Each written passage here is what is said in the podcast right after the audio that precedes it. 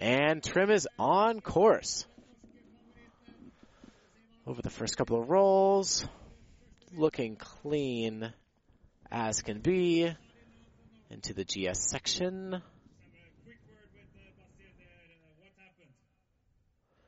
Here we go from Trym. Looking very clean so far. Trym's a very unique technique. He gets on his edges early and drifts the top half of the turn.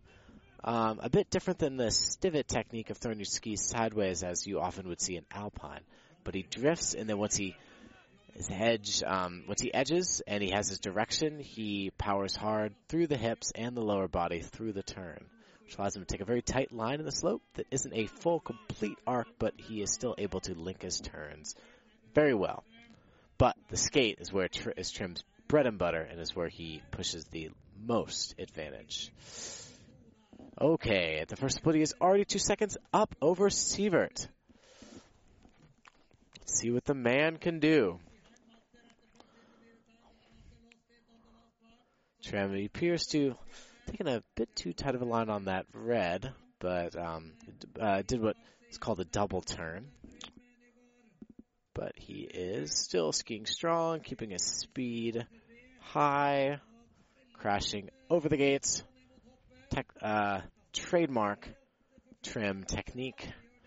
Up and over the jump, telemark landing.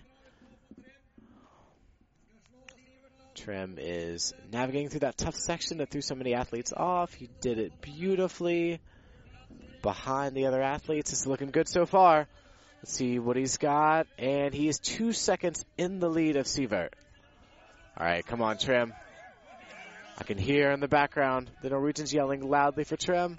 He's pushing into the skating section, which is his forte. You can see competitors in the background. Sorry, uh, spectators in the background cheering him on. You can see Trym has that beautiful forward skating technique, great flat ski, great glide to the finish, and Trym in the lead.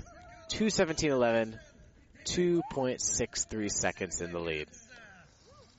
That smile says it all for Trym because he's very pleased with that result. So the replay at the jump, up and over. He jumps just far enough and lands in a perfect telemark. The athletes don't want to jump too far, unnecessarily far, because it typically leads to mistakes in the course afterwards. So Trym seemed to manage his jumping perfectly, landing just over the line and in the telemark position.